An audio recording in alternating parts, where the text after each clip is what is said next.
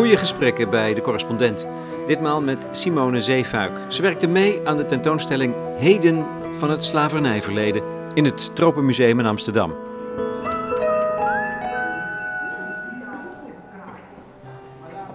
De eerste woorden die ik hier zie zijn: Jij verschilt niet zoveel van mij. Daar word ik mee verwelkomd, Simone. Ja.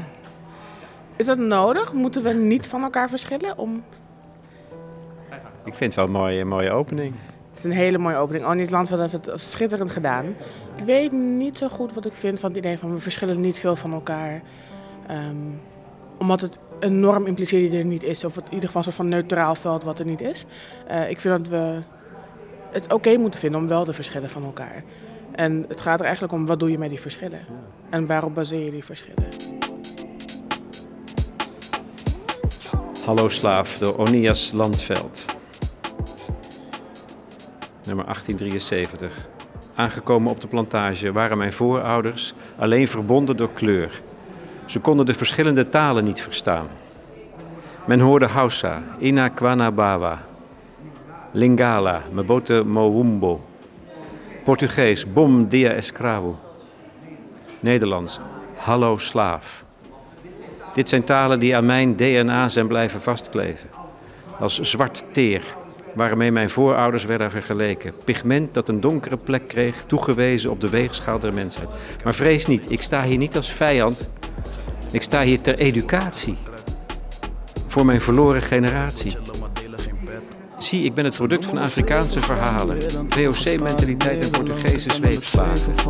Ironisch genoeg gezegend met een voorliefde voor Nederlandse rijmschema's. Fragment uit Hallo Slaaf, gedicht van Onias Landveld. Ik loop tegen zijn video aan als ik via een zijdeurtje de tentoonstelling in het Tropenmuseum betreed. Heden van het slavernijverleden. Het is pas oktober en er wordt alweer gediscussieerd over het Sinterklaasjournaal en Zwarte Piet. Deze tentoonstelling richt zich op het brandpunt van het debat. Wat is de erfenis van ons slavernijverleden? Hoe werkt dat door in ons hedendaagse bewustzijn?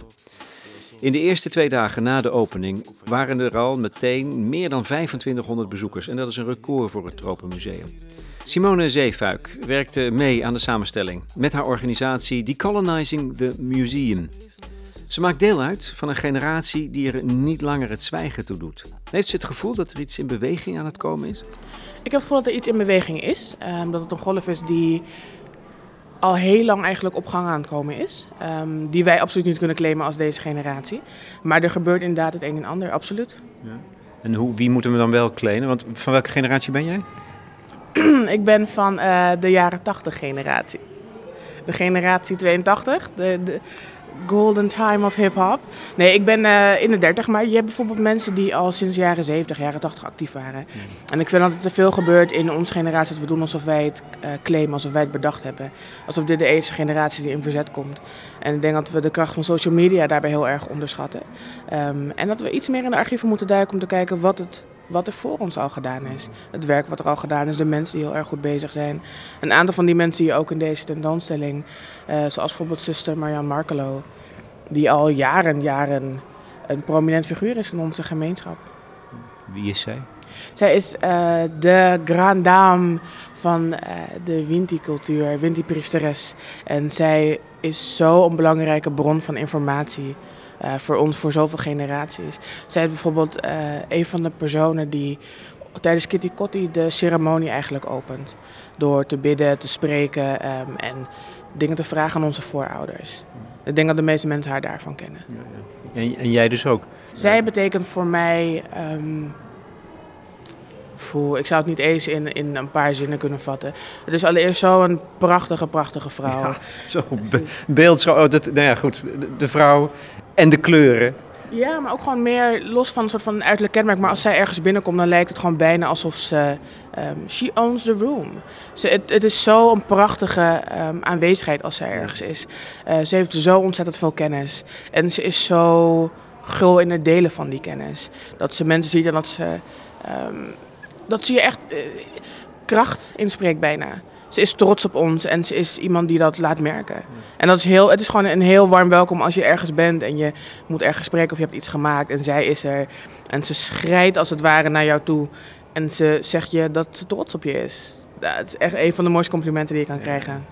Onze cultuur is denk ik heel lang en nog steeds wordt het weggestopt. Um, Winti is in heel veel Surinaamse gemeenschappen niet iets waar je trots op mag zijn of iets wat soort van omarmd wordt. En zij is iemand die ons daar heel erg van uh, bewust blijft maken. Van hoe, hoe prachtig het is, hoe waardevol het is. En hoe belangrijk het is dat we dat wel blijven behouden. Uh, het komt uit een tijd waarin mensen de, de basic dingen als wat we nu zien als leren lezen, waren dingen die verboden waren. Je eigen talen spreken was wat verboden was. Je eigen godsdienstbeleiden of je eigen religie, je eigen levenswijze is wat verboden was. En mensen hebben dat onthouden, mensen hebben dat doorgegeven. En zij is voor mij een van de personificaties daarvan. Maar het is ook een vorm van verzet. Het is een vorm om te laten zien van ik, ik sluit me niet aan bij wat de kolonist mij heeft opgedrongen. Van wat wel of geen goede manier van leven is. En dat is heel erg belangrijk voor ons. En dat is een deel dus van die verzwegen geschiedenis, hè? van alles wat verzwegen wordt. Zoals we daar met de correspondent proberen nu een stem aan te geven. Hier in het Tropenmuseum krijgt het dus ook op deze manier allemaal stem en gezicht. Ja, het heeft natuurlijk al uh, een stem en het heeft natuurlijk al gezichten. En ik denk dat we heel erg moeten oppassen als we zeggen van we geven ergens een stem aan. Omdat we daarmee eigenlijk willen zeggen, het is er niet. Um, het is verzwegen, dat wat is gebeurd. Verzwegen, weggestopt, genegeerd. Um, op sociaal niveau, op institutioneel niveau. En dat is wel echt belangrijk om daar onderscheid in te maken. Ja, je betrapt me meteen op fout taalgebruik. Ik zeg, het, we ge je geeft het een stem of we geven een stem. Dat is al een vergissing, begrijp ik. Je moet ontzettend op je woorden passen. Nou, niet op je woorden passen, maar ook nadenken over de woorden die er gebruikt worden. En uh, je, bent, je bent opgegroeid met een taal, je hebt op een bepaalde manier leren spreken. En het is moeilijk om dat af te leren voor heel veel mensen. Maar hoe vaak je erover nadenkt, hoe meer je denkt van oké, maar wat ik dus eigenlijk zeg, I'm speaking it into existence. Door te zeggen van oh, ik geef iemand een stem, benadruk het idee van iemand is stemloos. Maar we hebben nog een hele tentoonstelling te gaan, Lex. het is niet omdat ik je nu betrapt heb op iets. Nee, nee, nee, maar nee, nee, nee, ik vind dat, ik ben me daar natuurlijk net zo goed van uh, aan het bewust worden. Hoe dat ook in mijn systeem zit. En in de taal, zoals ik, ik was bij een bijeenkomst op Spui 25, waar jij was, verschuivende uh, perspectieven. Mm -hmm. over de verbeelding van het slavernijverleden, de slavernijtijd en de kolonisering. Mm. En volgens mij was jij dat die dat zei. Het wees op het zinnetje: Columbus heeft Amerika ontdekt. Mm -hmm. Ja, daar groei je mee op. Weet je, dat is, ja. een, dat is gewoon. Ik weet niet beter of Columbus heeft Amerika ontdekt. En jij wees er toch op dat dat, Klopt. dat zinnetje al ja. niet goed is. Nee, inderdaad. Je moet je gewoon voorstellen dat je gewoon in je huis zit. En iemand dendert je huis binnen en zegt dat hij je woning heeft ontdekt. En dat is heel gechargeerd gezegd. Wat, ik bedoel, dat doet geen recht aan de genocide en verkrachtingen en moorden die daar plaatsvond. Maar dat is eigenlijk wat het is. Iemand komt een gebied binnen um, waar mensen wonen, waar mensen verschillende culturen hebben, verschillende talen spreken, verschillende levenswijzen erop nahouden. En iemand zegt van dit is nu mijn grondgebied. Um, maar iemand zegt ook, ik heb het ontdekt. Met andere woorden, de personen die er al zijn, zijn zo nietig dat het pas met mijn aanwezigheid iets betekend heeft. En dat is bizar. Als je daarover na gaat denken. Um, daarom hameren wij met die Colonize Museum ook heel erg op het gebruik van woorden. Dingen als bijvoorbeeld het woord slaaf. Ga je er eigenlijk vanuit dat het iemands godgegeven plicht is om minder waardig aan jou te zijn. Terwijl als je zegt tot slaaf... Je, je, bestemming als het ware. Je bent een apart mensensoort voor wie het de bestemming is. Klopt, voor wie het misschien wel erg is dat uh, de persoon gruweldaden overkomt, maar dat is nu eenmaal hoe het gaat. Ja. Maar wanneer je nadenkt over tot slaaf gemaakt, wie heeft dan iemand tot slaaf gemaakt? Ja. En wat voor onrecht gaat daarbij gepaard om iemand tot slaaf te maken? Dus, dus al die aspecten komen bloot liggen als je struikelt over die woorden. En er zijn mensen die zeggen van ja, tot slaaf gemaakt is lelijk, is een lelijke frase. Mm. Maar ik denk zelf eigenlijk, is dat niet heel erg prettig dat het iets onhandigs, ongemakkelijks, iets lelijks heeft in de formulering. Want dat was het ook. Ja, maar het is wel heel erg opvallend dat uh, het lelijke vaak wordt besproken wanneer het om social justice gaat. Je kan de gemiddelde uh, barkiersvergadering niet inlopen of iedereen spreekt Engels. En daar zijn we aan gewend. Als we het in het social justice debat hebben over blackness, dan is dat ineens een hele enge vieze term. Want we praten te veel Engels en waarom praten we niet gewoon Nederlands? Um, het is heel erg gelinkt aan wat maakt je oncomfortabel en wie vind je dat wel of niet een woord, dus haakjes, mag uitvinden. Ja. Um, daar is heel erg. Het wordt ook gedaan alsof het niet bestaande woorden zijn, alsof tot slaaf gemaakt. Een soort van compleet ander dialect Nederlands is wat we niet kunnen uitspreken. Ja. En dat is niet zo. Je wil er niet over nadenken, dus het is oncomfortabel, dus je vindt het lelijk. Maar dat oncomfortabele is toch goed? Sowieso. Sowieso. Het is goed, uh, maar vallen vooral ook andere mensen niet de hele dag mee lastig dat je je oncomfortabel voelt. En dat is wat nu heel erg het speelpunt van het gesprek wordt gemaakt. Van, ik voel me comfortabel en mij zeggen, Want die ene keer heb ik het woord wel. Dit is het, in een notendop, wat Simone Zeefuik en het initiatief Decolonizing the Museum voorstaan. Ze richten hun pijlen op de taal en de beelden die wij met een zekere achterloosheid hanteren.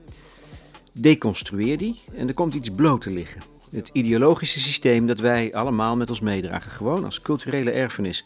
Het is dat wat eeuwenlange misdadige praktijk in stand heeft gehouden en een diep onrechtvaardig mensbeeld. En daar gaat het om, dat mensbeeld dat onmiskenbaar sporen nalaat tot op de dag van vandaag. Al zijn die sporen dan meestal impliciet en daardoor des te hardnekkiger. Hoe maakt deze tentoonstelling dat zichtbaar? Ja, dan lopen we even terug ja, naar een stuk in de tentoonstelling, um, zeg ik uit mijn hoofd, dat heet De creatie van ras. En dat gaat eigenlijk over wetenschappelijk racisme. Ehm, wat je onder andere, waar je onderdeel van bent, als je in de tram 9 zit en je rijdt van of naar Centraal Station en op een gegeven moment rij je door de Linnaeusstraat.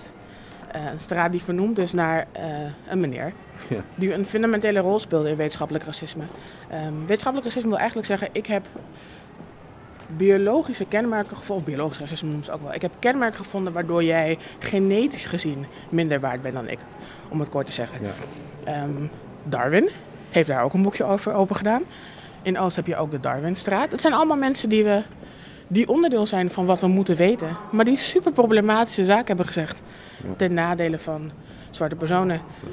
En we zijn er, de creatie van ras, met als ondertitel macht en racisme. En ik denk dat dit een heel erg belangrijk deel is van de tentoonstelling. Ja. Omdat je hier heel goed kan zien uh, hoe het tot stand is gekomen.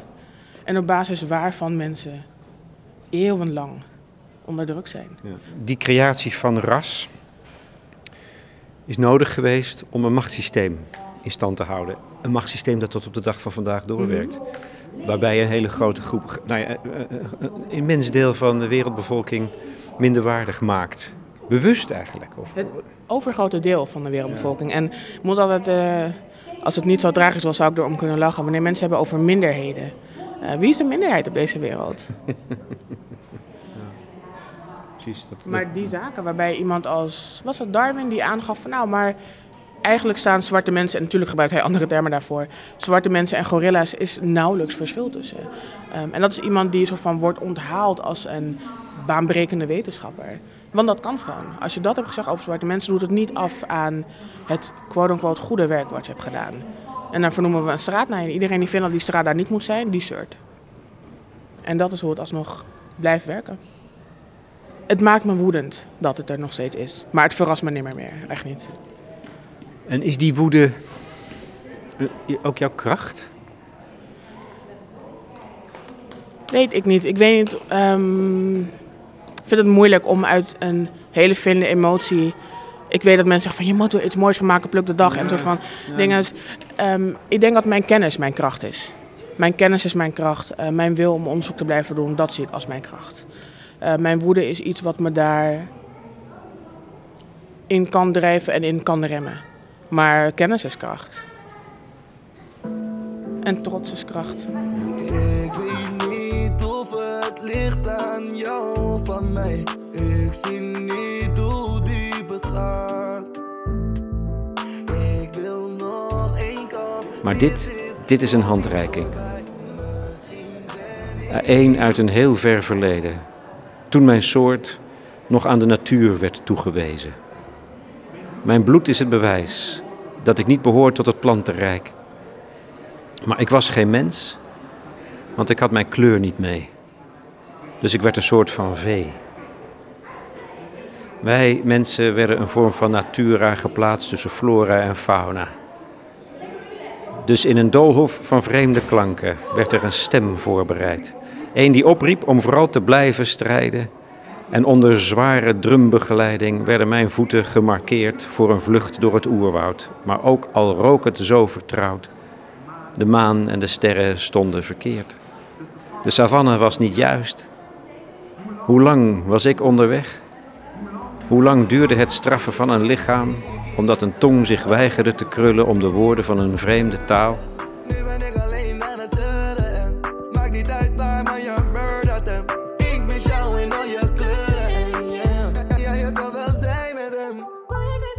Zoals ik al zei, een paar weken geleden was ik bij een druk bezochte bijeenkomst op Spui 25 met academici en kunstenaars, mensen van de museumwereld, veel jonge mensen van allerlei kleur en gezinten. De noemer was Verschuivende Perspectieven. En ook daar ging het over beelden, over de verbeelding van kolonisering en het slavernijverleden.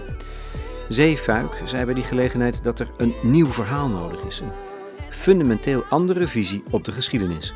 Oh, ik zou willen dat ik het zelf had gezegd, maar het is een quote van uh, Ivan van Sertima die het boek heeft geschreven, They Came Before Columbus. Waarin hij eigenlijk aangeeft van, uh, we zijn niet op zoek, we hoeven niet op zoek te gaan naar nieuwe feiten. Wat nodig is, is een fundamenteel nieuwe kijk op de geschiedenis. Um, het was een avond dus bij 25 die heel erg ging over nieuw onderzoek en nieuwe geschiedenis. Waarbij ik aangaf van, ik vind nieuw onderzoek super belangrijk. Het moet uh, onderzocht blijven worden wat er allemaal gebeurt in de geschiedenis. Maar zelfs als we nu tien jaar lang geen onderzoek zouden doen, hebben wel heel veel feiten waarmee we vooruit kunnen. Uh, waar het om gaat is hoe kijken we naar die geschiedenis. En dingen als bijvoorbeeld, nou, om weer het voorbeeld te noemen van tot slaaf gemaakt. Ja. Um, er is geen onderzoek waar daar iets aan verandert. Maar we moeten er naar kijken op een manier van, maar deze personen waren mensen. Uh, slavernij was een misdaad tegen de menselijkheid. En het wordt vaak uitgelegd als een soort van economisch verdienmodel. En dat was wat voor Nederland heel erg belangrijk was. Um, maar wat betekent dat voor de mensen die tot slaaf gemaakt waren? Dat is een ondergeschoven verhaal. Dat is een genegeerd verhaal. Het verhaal wat niet gezellig is, om het zo maar te zeggen. Um, en door anders naar te kijken, doordat mensen erop blijven hameren van dit is iets wat belangrijk is. Belangrijker dan het verdienmodel. Dat is er nodig. Dus de feiten over slavernij, die hebben we deels natuurlijk. En er is nog zoveel wat we wel moeten behandelen. Um, maar hoe, hoe kijken we naar wat we al hebben? Je zei, er is een belangrijke rol weggelegd voor juist kunstenaars. Mm. Die wetenschappers die brengen de feiten boven tafel, hartstikke goed. Maar kunstenaars hebben een andere rol. En waarom? Omdat ze moed hebben. Nee, dat is niet wat ik heb gezegd. Um, wat ik zei, dat we vaak denken dat kunstenaars meer moed hebben dan academici. Um, waarbij we voorbij gaan aan hoe giftig en hoe racistisch de academische wereld in Nederland is. Dat het voor een wetenschapper uh, vaak niet eens mogelijk is om dezelfde durf te tonen, niet te hebben, maar te tonen als een kunstenaar. Als je bijvoorbeeld kijkt naar iemand als Frank Drachtenstein, die geweldig, geweldig onderzoek heeft gedaan, uh, ook over de Maron-gemeenschappen, over de geschiedenis van Suriname. Uh, waar vind je zijn naam tegenwoordig? Hij was iemand die heel kritisch is. hij is iemand die heel kritisch is, hij leeft gelukkig nog, hij doet fantastisch werk. Um, maar waar zien we zijn naam? Waar zie je hele kritische academici? Die worden toch eigenlijk een beetje weggemoffeld. Die, die slagen niet, die hebben heel veel moeite uh, om een commissie samen te stellen die hun werk beoordeelt. Dat is heel erg lastig. Dus ik denk dat wij als kunstenaars vaak denken, wij kunstenaarsactivisten, schrijvers denken van wij hebben meer moed. Ik denk dat dat is. Ik denk dat ons speelveld anders is. Um, en dat we juist een wetenschapper moeten supporten die heel erg zijn best okay. om het aan te snijden. Ik bedoel mensen als een Joseph Jordan, als een Saudi Sunfleet, die supergoed werk doen in de academische wereld, maar die vaak tegen een muur opbotsen waarin ze niet kunnen zeggen of kunnen schrijven wat ze willen schrijven, wat ze willen zeggen. Zo, dat is nogal een, uh, een beschuldiging hè, van de academische wereld. Die je zou zeggen, die is waardenvrij. Maar dat is dus, juist daar is dat dus ook niet het geval. Nee, maar je hebt hier ook een heel mooi bord hangen ergens over neutraliteit. Als we het hebben over waardevrij of neutraal, dat spreekt zelden in ons voordeel. Dus dat is iets waar um, zwarte mensen niet vaak iets aan hebben. Wat neutraal wil zeggen. Neutraal was het Tropenmuseum bijvoorbeeld vroeger. Als er werd gezegd van, uh, als er werd gesproken over een wij, dan moest de wij zogenaamd neutraal zijn, maar de wij was een witte persoon. Maar dat wordt gezien als neutraal.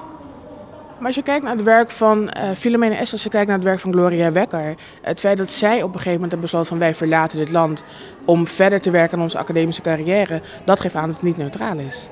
Het geeft aan dat het geen omgeving is waarbij deze twee iconen hun werk hadden kunnen doen. Ja, er komen allerlei kindertjes bij nu. Wat helemaal niet erg is. Die worden ook rondgeleid. Wij dwalen nu over, tussen de, over de tentoonstelling. Het is allemaal eigenlijk oogverblindend mooi. En overal zit een verhaal achter, volgens mij.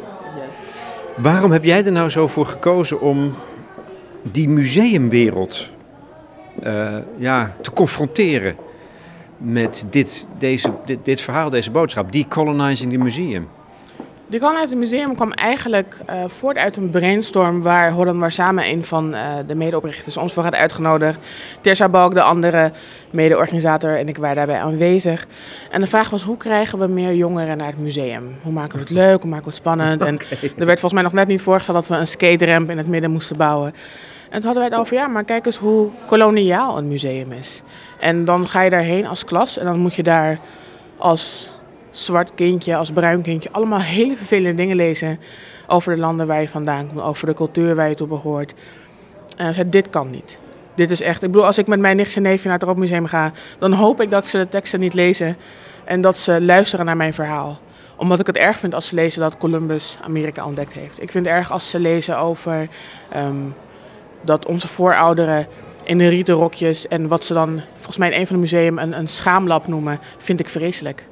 Als mijn nichtje en neefje daaraan worden blootgesteld. Als andere kinderen daaraan worden blootgesteld. En het is toch een instituut wat wordt gezien als de bakermat van kennis. Het staat heel hoog aangeschreven. Musea zijn eigenlijk waar je naartoe gaat om te leren. Ja. En dan kunnen deze teksten kunnen daar niet in uh, gereproduceerd worden. Het zijn allemaal uitingen van hoe koloniaal het onderwijssysteem hier is. De mensen die deze tentoonstellingen maken, worden opgeleid op een school.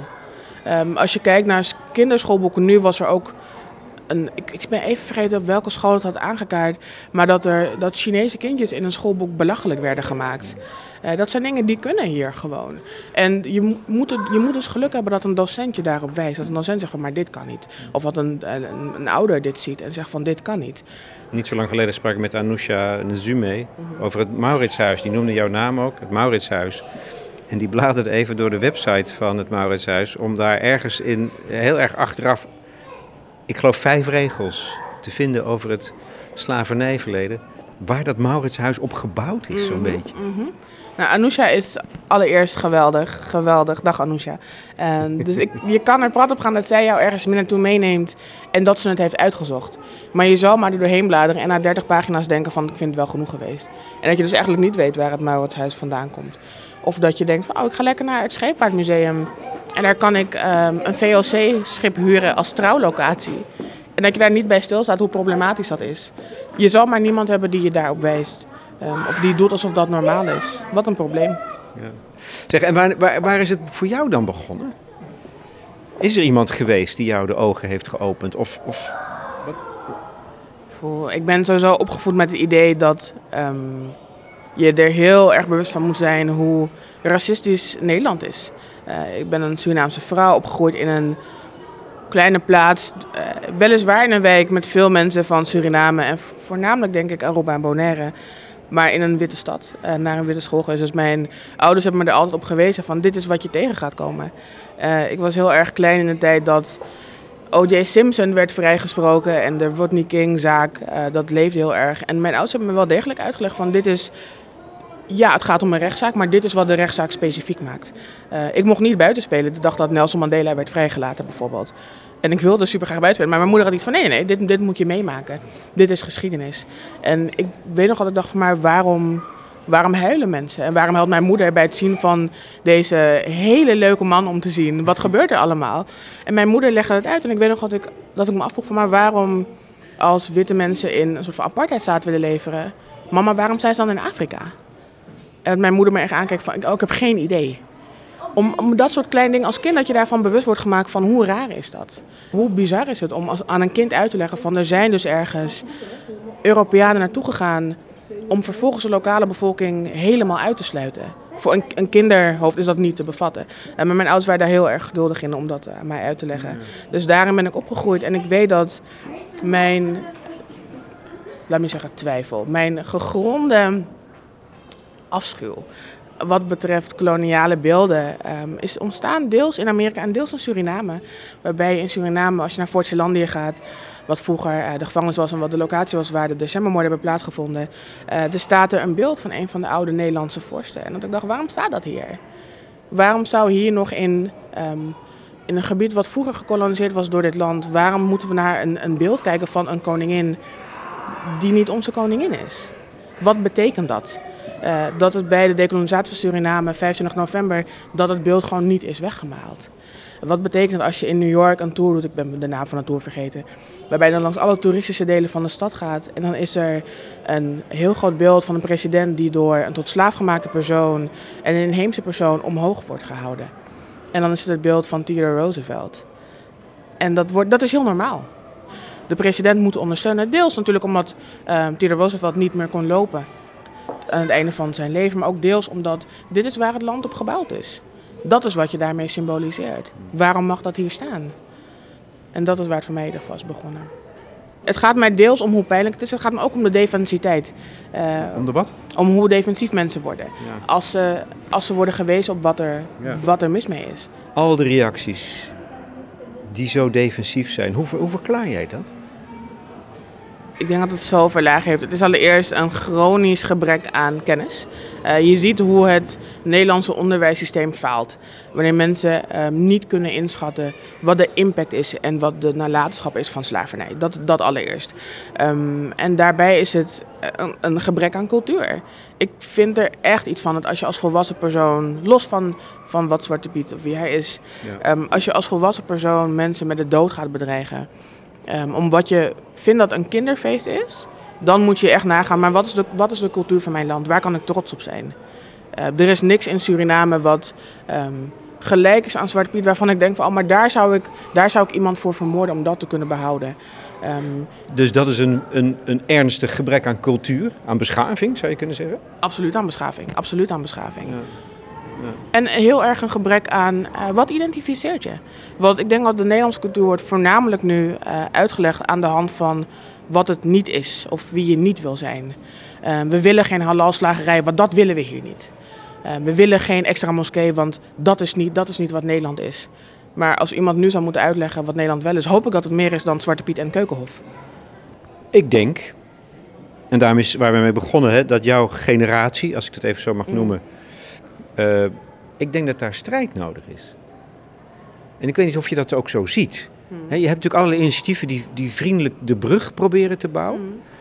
Ik denk dat er, met alles wat je nu gezegd hebt, dat roept enorme weerstand op. En om die klein te krijgen, moet je de strijd aangaan. Hmm.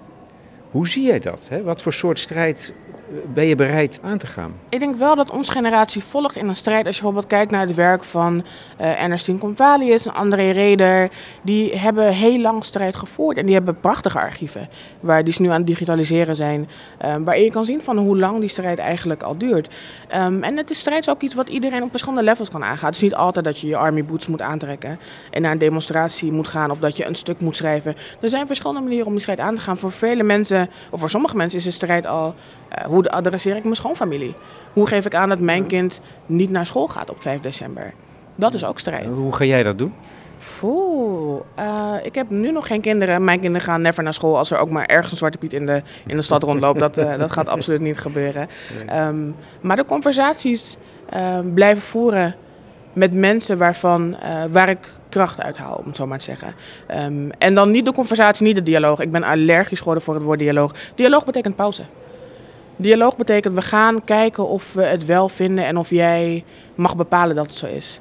Uh, we hebben dialoog over het N-woord. Um, terwijl we weten wat het N-woord betekent. En terwijl zwarte mensen heel vaak mm. aangeven, we moeten het niet gebruiken. Maar dan is er een, een locatie die een evenement organiseert van... Uh, mag ik N-woord tegen je zeggen? En dat is dialoog. Dat is een Nederlands variant van dialoog. Van, laat, me, laat me kijken wat wel mag. Uh, dus die, die, die dialoogconversatie bedoel ik niet. Maar de conversatie aan blijft gaan met um, de mensen om me heen. Van hoe pakken we de strijden aan? Strijden, meervoud. Hoe pakken we het werk aan? Maar ben je bereid tot conflict? Dat is in feite waarvan ik denk dat het nodig is. Ik ben absoluut, let, let the record reflect. Ik ben absoluut bereid om conflicten aan te gaan. Ik ben niet team non-violence. Um, ja. Maar zonder is... wapens, ofwel met wapens? Breng wat je nodig vindt. Um, nee, maar om aan te geven van, het, het, is al een conflict.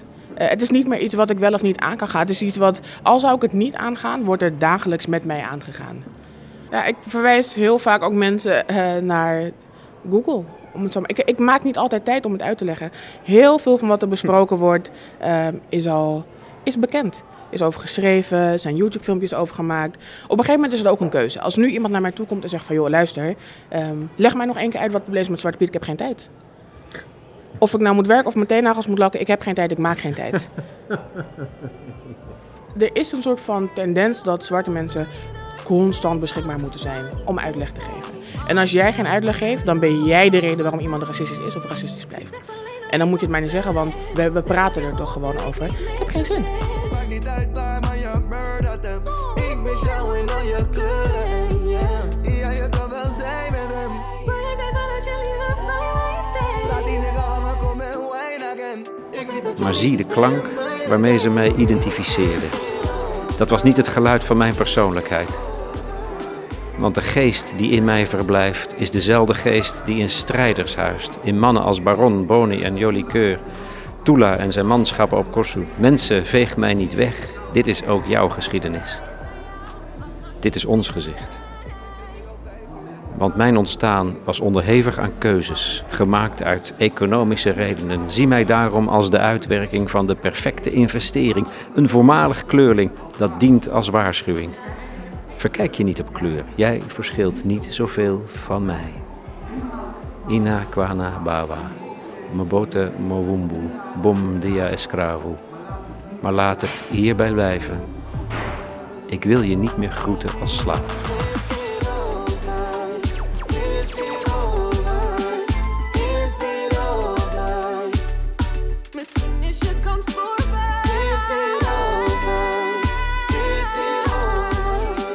Heb ik goede hoop? Ja, omdat er goede mensen zijn ehm, die de verandering brengen. Ik denk dat hoop ons nergens gaat brengen. Ehm, wachten op en het is niet de juiste tijd. Dat zijn allemaal dingen, daar hebben we niet zoveel aan. Er zijn ontzettend goede mensen die keihard werken eh, om verandering te brengen. De vraag is, zijn de instituten eh, deels klaar voor ons? Eh, wachten wij totdat de instituten daar klaar voor zijn? En wat gebeurt er? Want het is, het is niet denk ik een strijd van bewustwording. Het gaat nu om relevantie. Instituten merken nu dat ze minder relevant worden en op een gegeven moment niet meer relevant zijn als ze hun oude narratieven blijven behouden. Dus het gaat er echt niet om of wij nu worden gezien en of wij nu een stem krijgen. Het gaat erom dat een museum, ehm, nou wat we bijvoorbeeld net bespraken met het Ook Museum, er is een record aantal bezoekers is er nu binnengekomen. Wat heeft daartoe geleid? Jullie, jullie, jullie aanhoudende werk, denk ik, en inzet. Ja, maar dekolonisatie eh, staat nu vaker gelijk aan relevantie. Hoe kolonialer je bent, hoe groter de groep mensen is die je eigenlijk ehm, was vergeten, waar je nooit aandacht aan had besteed, want ze deden er niet toe. En nu is het die groep mensen die de relevantie steeds meer naar zich toe trekt. Die steeds meer zegt van nee, maar wij bepalen nu wat er goed is, wat er tof is, waar we allemaal heen gaan. En instituten die denken, oh maar wacht even, dat is, een extra, dat is extra kaartverkoop. Dus ja, die moet je wel werken. En hoe meer je dat beseft, hoe meer je ook moet beseffen dat we met onze facturen komen. Geen kopjes koffie, we hebben koffie in ons huis. Niet meer uitnodigen voor brainstorm sessies met stroopwafels en een broodje kaas. We willen betaald worden voor het intellectuele werk wat we doen. Ehm, intellectueel werk waar heel veel, nog steeds heel veel misbruik van wordt gemaakt. Kijk naar Witte de Wit. Dat zich nu ontpopt als van, oh we hebben ons ineens bedacht dat we dit moeten gaan doen. Wie noemt Egbert Martina? Ramona Snow, dan waren we samen met Patricia Schoor, Maria Goegelbeugel, Amma Haag. Waar worden die genoemd? Tessa Balk? Niet. Witte de Wit heeft het bedacht. Dankjewel, Simone. Jullie ook bedankt. En succes natuurlijk, hè, vooral. Dank je. Jullie ook heel veel succes met ons. Ja, nou ja.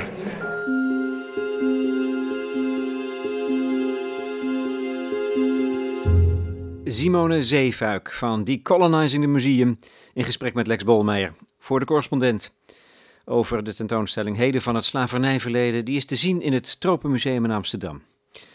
Als u lid bent van de correspondent, nodig ik u van harte uit om over deze podcast verder te discussiëren op het platform. Wat vinden jullie van de stelling dat het de taal en de beelden zijn die kunnen leiden naar een onderliggende ideologische erfenis? Interessant, laten we erover doorpraten. Als u geen lid bent, kunt u altijd een recensie achterlaten bij iTunes. Mijn mailadres is lex.decorrespondent.nl. En luister vooral ook naar de andere podcasts van de correspondent, zoals de Rudy en Freddy Show. Altijd goed. Tot slot nog dit. Wat de muziek betreft, ik koos voor de Golden Hip Hop. Je hoorde de stemmen van Seven Alias en Ronnie Flex.